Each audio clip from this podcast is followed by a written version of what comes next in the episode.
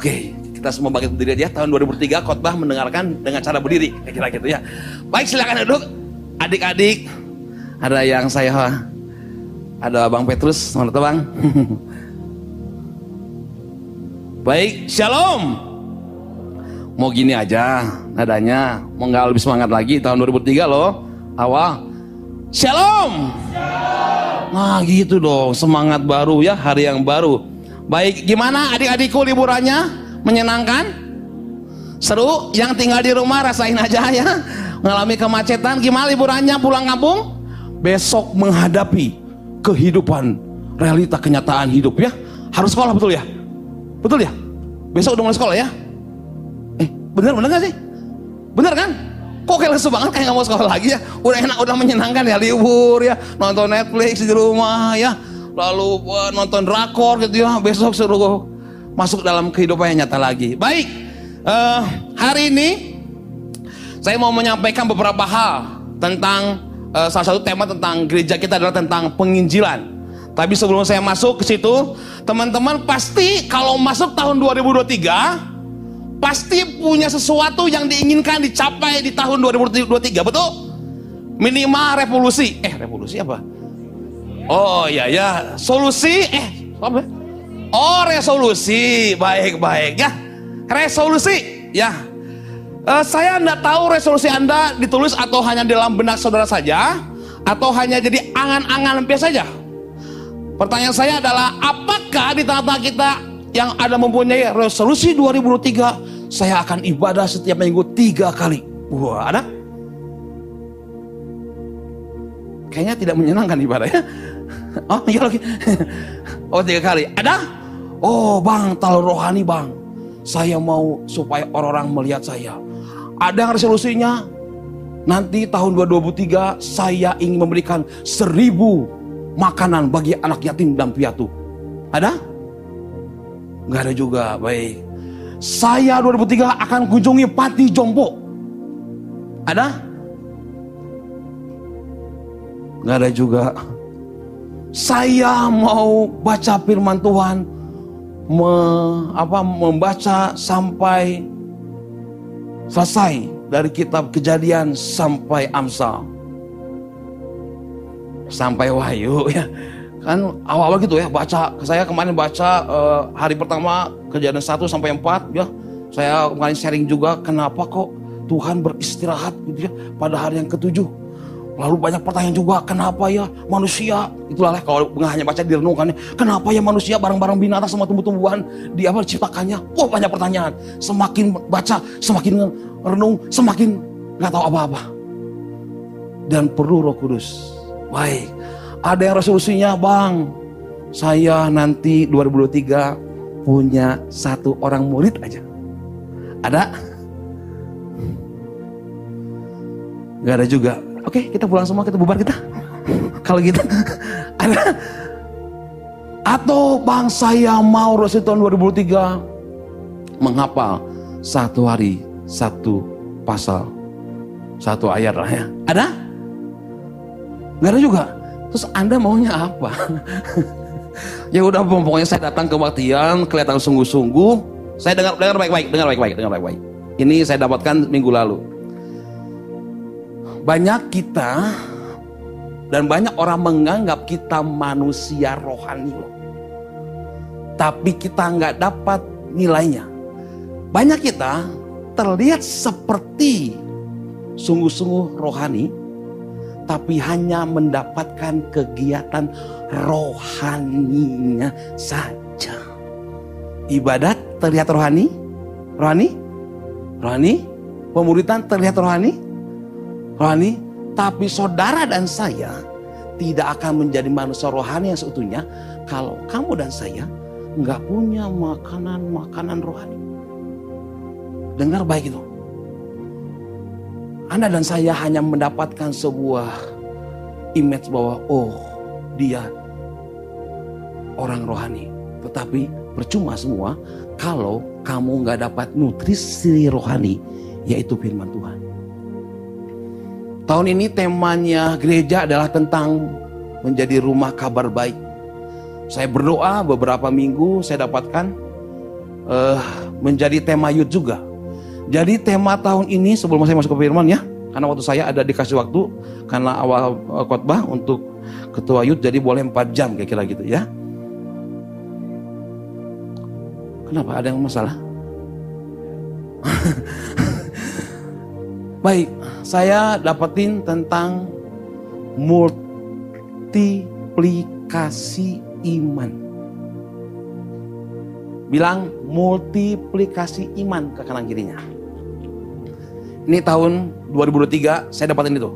Bilang kanan kirinya sekali lagi multiplikasi iman. Iman ada singkatannya. I adalah Injil. Dengar baik, ini sesuai dengan tema gereja tahun ini tentang mengabarkan Injil. Tetapi teman-teman, adik-adik sekalian, Injil nggak hanya diberitakan, tapi Injil harus kamu alami juga setiap hari. Katakan amin. Karena kalau kamu nggak ngedapatin firman yang menguasai hidup kamu, maaf, maka hidup saudara dan saya akan goyang oleh berbagai masalah kehidupan kita. Jadi yang pertama adalah Injil. Jadi adik-adikku, saya sudah pernah bilang ada salah satu senator di di apa di USA Amerika Serikat tanya sama berhal apa Billy Graham bagaimana supaya kita sukses di dalam kali rohani atau di dalam Tuhan ada tiga katanya apa baca firman Tuhan baca firman Tuhan baca firman Tuhan saya bagian sedikit aja Berwaktu lalu ini saya betul-betul sedang menggali firman Tuhan demikian rupa supaya saya pengen uh, semua kita mendapatkan makanan rohani yang fresh. Betul? Betul? Ya, supaya teman-teman nggak terus maaf mungkin beberapa tahun terakhir teman-teman mak dapat makanan yang kurang fresh sehingga tidak menyegarkan uh, apa spiritual Anda dan tidak menyegarkan kondisi rohani Anda. Saya berdoa. Ternyata Alkitab pun mencatat bahwa Yesus mengajar di bait Allah ke mana-mana dia ngajar tentang firman Tuhan. Ternyata begitu berdampak kepada kehidupan saya soal firman, itu mempengaruhi cara saya berpikir, cara saya berlaku. Oke, saya ceritain. Ini endingnya. Kemarin baru spillnya. Jadi, puji Tuhan karena bisa soal multiplikasi. Akhirnya Tuhan jawab doa saya. Sudah 10 tahun 5 bulan saya menikah dengan istri dan tahun ini Tuhan genapi saya mendapatkan dua orang anak. Kok kayak nggak semangat ya? Dua orang anak itu baik. Jadi multiplikasi karena saya percaya apa yang terjadi di muka bumi terjadi dalam roh sana. Dan saya alami itu. Waktu masuk program, sejujurnya, jujur literally normalinya, saya stres. Stres karena semua indikator tidak bisa uh, dinyatakan berhasil punya anak. Maafkan saya, saya sperma saya produksinya bagus, tapi bentuknya semua cacat dari nol. Saya kemarin cerita, saya dikasih obat selama 14 hari, harganya satu obatnya 150 ribu. Jadi kalau KFC berarti ya, 5 paket ya 150 ribu. 14 hari dengan harga 150 ribu. Itu kan sendiri ya empat setengah juta. Cuma dalam waktu eh, sorry dua dua belas empat belas hari ya ya anggaplah empat setengah juta. Saya minum tiap hari. Berharap hasilnya bah bah baik dong. Obat mahal dong dokternya dokter spesialis lagi keren banget. Dokternya udah udah jadi jadi guru jadi dosen. Wah keren dong. Faktanya secara mata wah keren. Lihatlah mulai mengandalkan manusia. Wah yang penting obat. Karena kebanyakan kita kalau sudah sakit langsung jadinya oh obat bukan doa ya. Oh kurang sungguh-sungguh kayaknya. Lalu saya minum 14 hari. Lalu dicek lagi spermanya hasilnya 0% jadi mau minum obat apa pun nggak pengaruh tapi kalau saya hidup oleh karena melihat dan kondisi saya akan lelah tapi waktu itu saya dapetin, saya itu kan suka lupa ayat ya, pelupa, pelupa ya. Saya cuma satu ayat aja sampai hari ini ingat kejadian 21. Ishak lahir. Coba cek dulu bener gak tuh? Aku salah lagi. Soalnya selalu saya cek. Dan waktu bayangin, waktu saya istri saya masuk ruang operasi, saya nunggu, saya perhatikan beberapa kali, kok istri saya lebih lama gitu kalau dioperasi. Tiba-tiba waktu dioperasi teman-teman muncul lagi ada tumbuh polip. Kalau bahasa dokter-dokternya tumor, bisa bayangin. Ditambah lagi ditemukan juga istri saya ditemukan apa? Pengentalan darah. Lu bisa bayangin? Jadi komplit. Secara fakta, secara manusia, waduh gak ada harapan lagi. Tapi kalau kita tahu firman Tuhan dan firman Tuhan itu menguasai kita, gak ngaruh. Lalu berikutnya, proses berikutnya luar biasa sekali. Ada beberapa hal yang terjadi kegagalan-kegagalan. Tapi lihatlah Tuhan kita. Kalau engkau dan saya cuma dengar apa kata Tuhan, yang lainnya maafkan saya, saya akan abaikan. Dan puji Tuhan, anaknya kembar. Ya, waktu orang-orang bilang saya udah dapetin di awal. Nah ini saya sedang menguji iman saya. Saya sedang berdoa supaya anaknya cowok dan cewek. Gitu ya, kira gitu ya. Satu paket. Itulah kalau Tuhan sudah kasih ya. Kalau secara manusia, nggak soal soal kedokteran, soal uang pun. Tuhan kita adalah Tuhan yang suka ngasih pas-pasan. Gitu ya, nggak lebih nggak kurang, pas sekali. Nah, ini juga akan berpengaruh kepada sesara rohani kita bahwa kita perlu bermultiplikasi secara Injil. Itu bisa soal firman. Yang yang kedua, M, murid.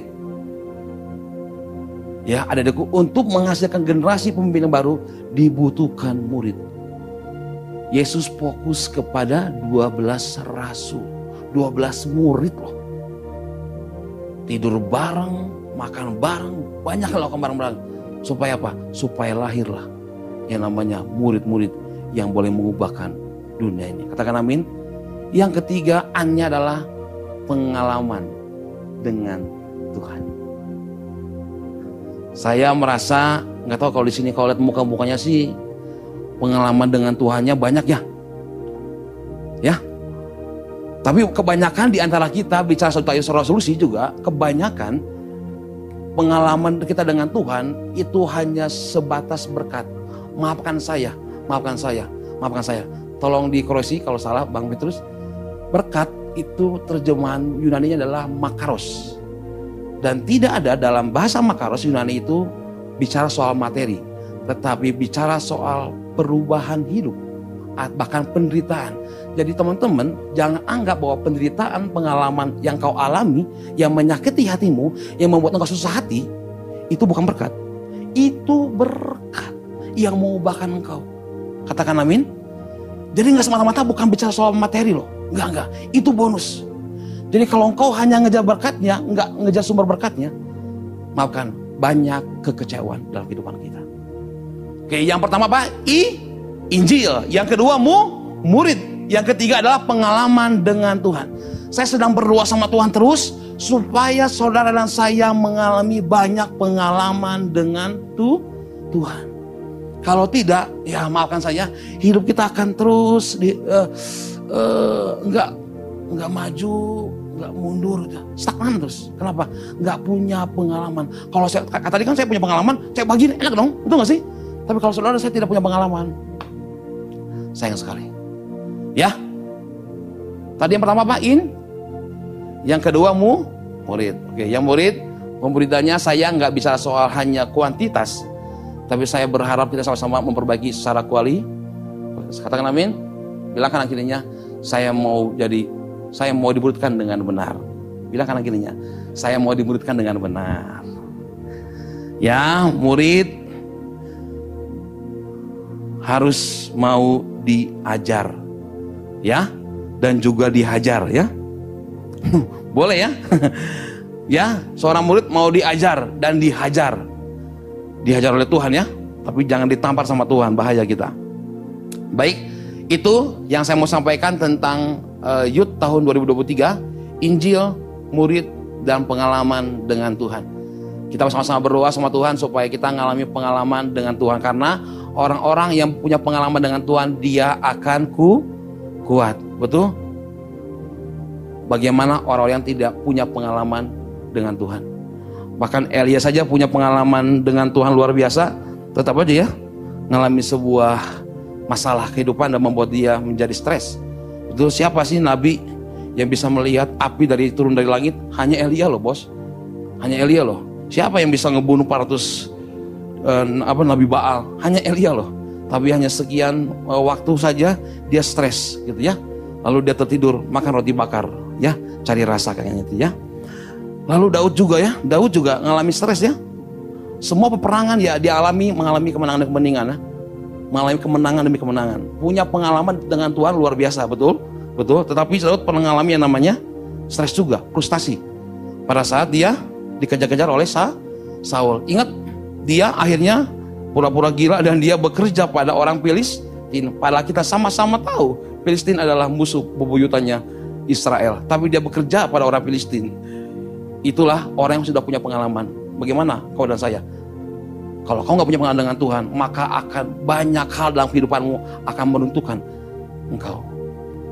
Yang pertama apa? In Injil. Baca firman Tuhan ya. Amin. Cuma tiga orang. Tuhan ampuni mereka Tuhan. Mereka tidak tahu apa yang mereka katakan. Baca firman Tuhan. Amin. Amin.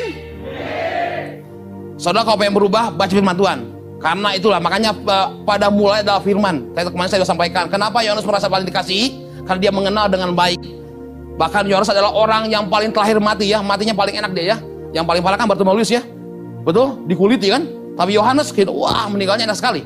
Betul? Yang kedua yang paling parah adalah yang digoreng siapa? Oh Yohanes ya. Yohanes mau digoreng tapi akhirnya dia keluar juga. Bayang digoreng apa tahu bulat keluar lagi jadi manusia kira gitu ya. Yohanes tapi dia paling dikasih oleh Tuhan. Dia merasa geer banget tuh orang. Kenapa? Karena dia kenal siapa Yesus. Makanya dia catat yang satu satu dia bilang apa? Pada mulai adalah firman. Jadi engkau dan saya mengenal Tuhan dengan baik. Supaya kau tidak diomongkan oleh permasalahan hidup engkau. Amin. Oleh pergaulanmu. Baik, hari ini kita akan bicara soal Yesus adalah terang. Ini sebenarnya bicara soal majas metafora, tahu ya? Pernah belajar bahasa Indonesia? Majas tahu majas ya? Perumpamaan tentang kenapa Yesus sebagai terang? Karena Alkitab mencatat juga di kejadian 1 ayat 2 maka jadilah terang. Betul? Betul ya? Jadilah terang. Lalu di perjanjian baru Yesus berbicara bahwa akulah terang. Baik kita masuk sebentar. Kita buka di Yohanes 8 ayat 12 saya sedang berusaha untuk menyampaikannya dengan sederhana. Tetapi biar Roh Kudus mengerjakannya lebih besar. Kita ubah tahun 2023 baca firman Tuhan sambil bangkit berdiri ya. Karena kalau duduk terus parises teman-teman. Bagi berdiri. Yohanes 8 ayat 12 sampai ayat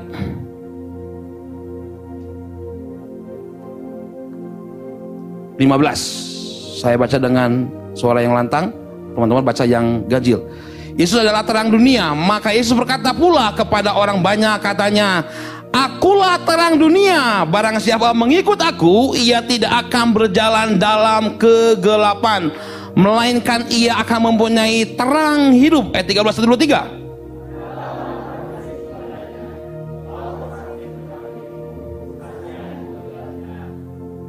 Jawab Yesus kepada mereka katanya, biarpun aku bersaksi tentang diriku sendiri, namun kesaksianku itu benar. Sebab aku tahu dari mana aku datang dan ke mana aku pergi. Tetapi kamu tidak tahu dari mana aku datang dan ke mana aku pergi. Satu, dua, tiga.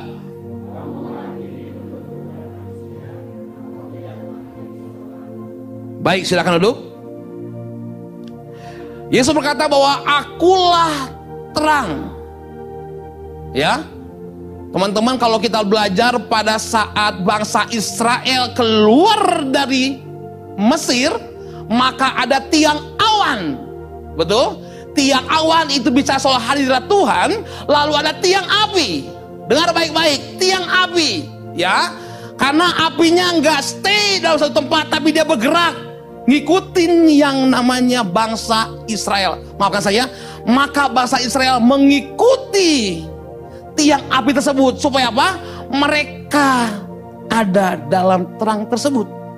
Jadi nggak kebaduk-baduk. Kalau gelapan kebaduk-baduk ya, nggak bisa lihat. Nah Yesus bilang, aku adalah terang. Dengar baik, dengar baik. Ini yang menariknya. Dia bilang, akulah terang dunia, barang siapa mengikut aku, ia tidak akan berjalan dalam kegelapan. Lihatlah, ada kata mengikut aku. Baik, karena kalau kamu tidak ikut aku, maka kamu akan mengalami kegelapan. Kanan kiri saudara, nggak di tempat ini, suasana rumah saudara pasti ada hal yang gelap. Bahkan di tempat pergaulanmu juga pasti ada hal-hal kegelapan. Betul? Betul? Nah Tuhan Yesus bilang, kamu harus mengikut aku. Kenapa? Karena kalau tidak mengikut aku maka kegelapan. Saya coba selidiki apa artinya hidup dalam kegelapan. Oke? Okay? Sorry, uh, di uh, di ayat akulat terang dunia, dunia itu bukan bicara soal tempat ya. Ya, tapi ini bisa soal sistem. Uh, penciptaan uh, Allah menciptakan, menciptakan bumi. Bumi adalah tempat, tapi dunia adalah sistem. Makanya Tuhan bilang, kalau kamu ngikut aku, kamu nggak akan sama seperti dunia yang dipenuhi dengan kegelapan. Baik, katanya kegelapan adalah orang-orang yang merasa dirinya paling benar. Ini akan kita bahas lagi dengan ayat sebelumnya. Kalau di BMKI itu uh, ayat ini di, uh, di, apa dilangsungkan dari perempuan berzina sampai kata itu dilangsungkan. Tapi di sini di, di, di apa dihalangi dengan satu namanya perikop. Lalu yang kedua, sorry, yang pertama adalah merasa paling benar. Oh, pemimpin gua salah. Gua bener. Oh, orang tua gua salah. Gua yang paling bener. Hati-hati loh. Anda sedang hidup dalam kegelapan. Kenapa? Anda nggak mau berubah. Anda sombong. Dengar baik. Kalau kau merasa di paling benar, siapa engkau? Karena kecenderungan umat manusia berbuat do, dosa. Tidak ada satupun di muka bumi, muka bumi ini yang benar. Tidak ada yang benar, cuma Kristus. Jadi engkau akan menjadi orang yang benar ketika engkau mengikuti kebenaran. Siapa? Yesus. Yang kedua katanya orang yang hidup di dalam kegelapan adalah orang yang suka menghakimi orang lain. Nunjuk rambut, eh rambut lagi, rambut balok atau apa ya? Selumbar di mata orang bisa kau lihat, tapi apa balok atau gajah gitu ya di matamu kau nggak lihat. Nah dengar baik, orang yang suka menghakimi, ngegosipin, nyalahin terus, hati-hati, dia sedang hidup di dalam kegelapan. Yang ketiga adalah ini yang paling kalau engkau dan saya di sini sudah lagi ya orang-orang yang hidup kegelapan adalah orang-orang yang nggak sadar bahwa dirinya berdosa atau bersalah. Baik, kita tarik dulu ke belakang. Kita lihat ayat sebelumnya. Ini kan Yohanes 8 ayat 12. Kita lihat uh, kejadian 8 ayat 3. Sorry ayat 2 aja. Saya baca ini ya. Pagi-pagi benar dia berada dia berada di langit. Karena ini nyambung ini. Karena itu salah satu uh, yang Yesus paling gak suka dengan orang-orang Parisi dan orang-orang ahli Taurat. Makanya dia bilang, uh, ikutilah aku, jangan ikuti mereka. Pagi-pagi benar ia berada di langit, di bait Allah dan seluruh rakyat datang kepadanya, ia duduk dan mengajar mereka. Maka ahli-ahli Taurat dan orang-orang Parisi membawa kepadanya seorang perempuan yang kedapatan berbuat zina. Mereka tahu dari mana ya? Mereka menempatkan perempuan itu di tengah-tengah, lalu berkata kepada Yesus, Rabi, perempuan ini tertangkap basah ketika ia sedang berbuat zina. Jangan saudara bayangkan seperti apa kondisinya, kayak di film-film itu ya, di net TV ya, ketangkap basah gitu ya lagi di kamar berduaan uh, bukan muhrim Lalu Musa dalam hukum Taurat memerintahkan kita untuk melempari perempuan-perempuan yang demikian. Apakah pendapatmu tentang hal itu? Mereka mengatakan hal itu untuk mencobai dia supaya mereka memperoleh sesuatu yang untuk menyalahkannya. Tetapi Yesus membungkuk lalu menulis dengan jarinya di tanah. Dan ketika mereka terus-terus bertanya kepadanya, ia pun bangkit berdiri lalu berkata kepada mereka, Barang siapa di antara kamu yang tidak berdosa, hendaklah ia yang pertama melemparkan batu kepada perempuan itu. Lalu ia memungkuk kedua kalinya dan menulis di tanah. Nanti kita bahas kenapa dia memungkuk, kenapa dia menulis. Tetapi setelah mereka mendengar perkataan itu, pergilah mereka seorang demi seorang mulai dari yang tertua. Jadi yang tua-tua ini mungkin paling banyak dosanya ya, atau paling banyak salahnya ya. Mungkin merasa juga ya. Akhirnya tinggal Yesus seorang diri dengan perempuan itu yang tetap di tempatnya. Baik, ini tentang teman-teman sudah pernah da, da, bahas atau pernah dengar ya tentang kedapatan orang bercina. Kenapa saya selidiki? Kenapa kok bisa? Uh, apakah kerjaannya ahli tarot itu adalah cari-cari orang bersalah gitu ya keliling? Siapa yang berzina? Ternyata saat itu adalah sedang acara pondok daun. Jadi bangsa Israel membuat banyak kemah Nah di kemah-kemah ada beberapa yang memang apa beribadah, ada beberapa mereka bertemu, tapi ada juga yang melakukan kejahatan di kemah-kemah mereka. Ditemukanlah seorang uh, kalau terjemah yang lainnya ternyata nggak hanya satu wanita ini saja, ada beberapa uh, yang ditemukan uh, apa ketahuan berzina, gitu ya, uh, sedang uh, uh, apa melakukan kejahatan. Lalu uh, ahli Taurat bawa kepada Yesus ini Dengar baik-baik. Lihat, lihat, lihat semuanya. Ini ahli Taurat ya. Selalu ingin mencoba Yesus. Dia ingin coba supaya Yesus bersalah. Ahli Taurat terus mencari kesalahan Yesus supaya bisa ditangkap dan dipenjara. Tapi belum wak waktunya. Dengar baik. Waktu dibawalah jin ini ke hadapan Yesus. Lalu Yesus katanya apa? Menulis membungkuk. Karena orang Parisi dan ahli Taurat maksa-maksa terus ini harus diapain? Yesus mikir kalau gua bela dia nanti orang-orang bilang bahwa saya membela orang yang jahat. Padahal di hukum Yahudi orang yang kena zina dihukum mati ya. Betul? Tapi kalau saya rangkul dia juga saya hidup dengan pendosa Wah ini kan ahli, Taurat ya. Lalu Yesus membalikkan kepada mereka semua. Lalu dia bilang apa? Kalau kau yang tidak pernah berbuat dosa, silakan lempar. Yang pertama kali, ini menarik loh. Lempar pertama kali. Saya coba bedah, kenapa Yesus membungkuk? Kenapa dia tulis-tulis di pasir? Kalau saya mau tulis, orang tinggalinya si Yosua nulis nama-nama Bang Andre, Bang Petrus yang lempar-lempar gitu ya. Mungkin ya kalau saya rasain. Mungkin juga kalau saya bukan Tuhan. Ya, 10 orang masuk neraka dia. Ini orang bermasalah semua. Oke. Atau juga mungkin menurut saya Yesus mengabaikan omongan mereka. Nggak peduli. Makanya jongkok Poin yang paling berikutnya apa coba? Jangan buru-buru menghakimi orang. Timbang-timbang baik-baik ketika engkau mau melakukan sesuatu untuk orang lain. Dia bungkuk, mikir ternyata. Oh, kan ya, mikir ya. Kamu kamu kalau gini. Itu namanya meratapi. Dia mikir pelan-pelan. Makanya dia keluarlah hikmatnya. Bahwa orang yang pertama kali lempar silakan kalau tidak pernah berdosa. Nah ini menarik. Ini yang paling poinnya. Maka ketika mereka mendengar tantangan Yesus, dengar baik-baik, maka satu persatu mereka meninggalkan. Terjemah lainnya katanya gini katanya, supaya iya karena waktu Yesus uh, bilang siapa yang tidak berdosa, mereka merasa ditelanjangin nanti kalau saya paksa lagi, Yesus kan maha tahu. Dia akan bongkar semua kejahatan si ahli Parisi dan ahli-ahli Taurat. Makanya sebelum dia ngomong, maka bisa bilang apa? Mereka diam-diam. Bisa kebayang?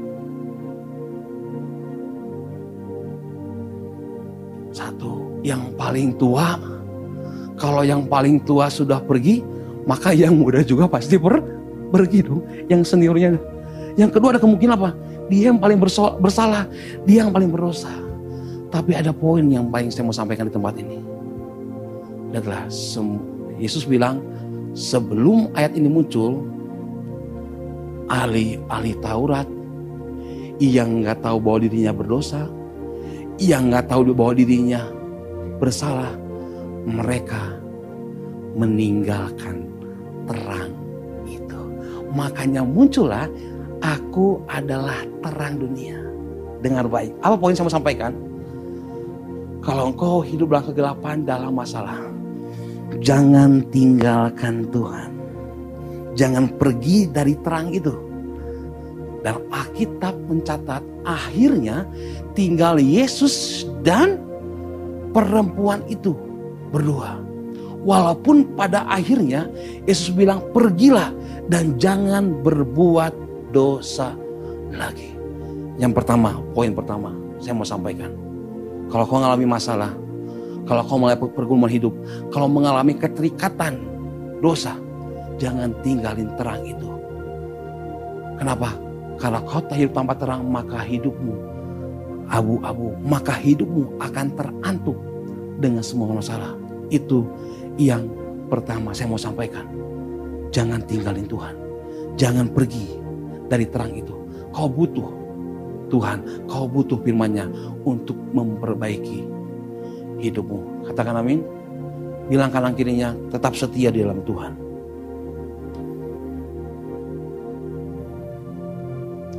Bilang kanan kirinya, saya mau ikut Yesus sampai akhirnya.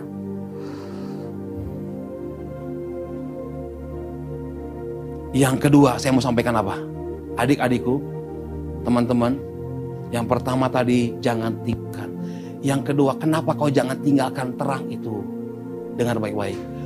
Kerjaan setan, dengar, dia berkeliling setiap waktu untuk mencuri, membunuh, membinasakan damai, sejahtera, suka, cita yang kita miliki. Jadi kalau kau nggak punya terang itu, maka intimidasi, maka panapan dari si jahat, kau akan mudah menerimanya. Tapi ketika kau punya terang itu, maka hidupmu akan terus berjalan dari kemenangan demi kemenangan. Saya hanya coba gambarkan sebentar, kita imajinasi sebentar. Waktu bangsa Israel dikelilingi oleh yang namanya tiang api, betul? Semua terlihat terang. Lu bayangin sekarang di padang pasir, tiba-tiba tek mati. Kira-kira gimana perasaanmu? Bingung? Panik? Betul? Betul? Ngatur-ngatur karena gelap, nggak bisa apa-apain.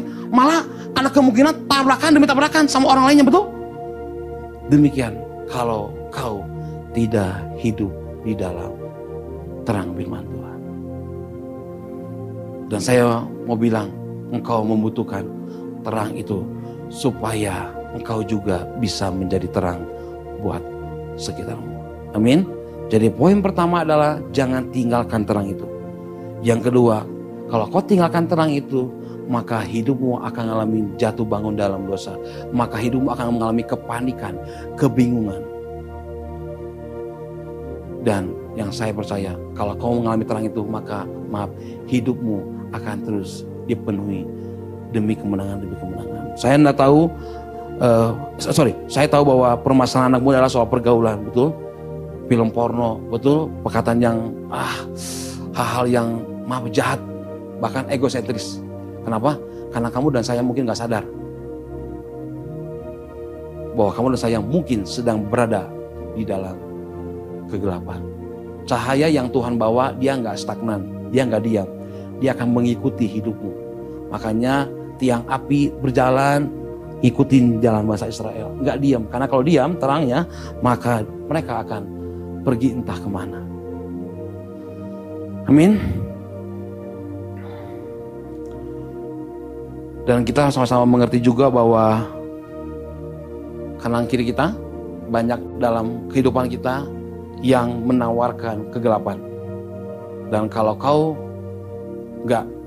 Ada dalam terang itu, maka kegelapan akan